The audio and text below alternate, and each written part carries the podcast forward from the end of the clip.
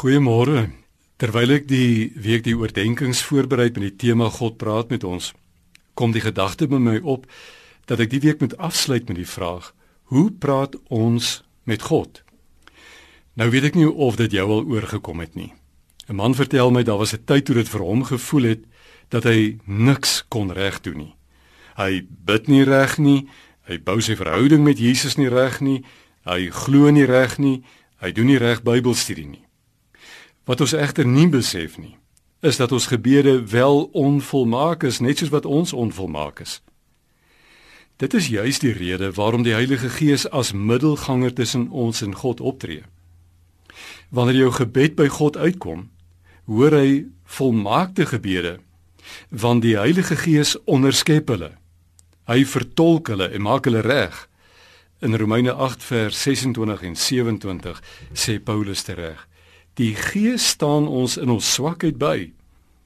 Ons weet nie hoe en wat ons behoort te bid nie, maar die Gees self pleit vir ons. En God, wat die harte deurgrond, weet wat die bedoeling van die Gees is, want hy pleit volgens die wil van God vir gelowiges.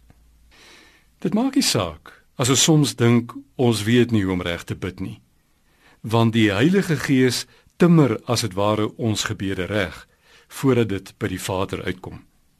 Hou gedagte dat gebed 'n dialoog is en nie 'n monoloog nie.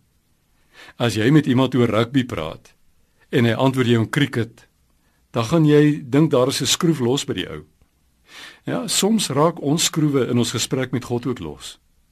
Luister eers waaroor hy met jou praat deur sy woord te gees en antwoord hom daarop. Moenie net wegspring met versoek luister nie. Raak stil. Luister eers wat God sê en antwoord hom met dankbaarheid oor 'n woord van vertroosting of geloofsversterking of antwoord met skuldbeleidnis wanneer jy bewus raak van jou eie liefdeloosheid en selfsugtigheid. Gebed is 'n verhoudingsaangeleentheid. In enige ander verhouding is kommunikasie op watter manier ook al 'n noodsaaklike element in die verhouding. En die Here begeer om 'n verhouding met ons te leef. Dit is waarvoor Jesus Christus kom sterf het. Hy het ons verhouding met God herstel. Praat met hom en luister as hy praat en geniet jou verhouding met hom en geniet hierdie dag verder.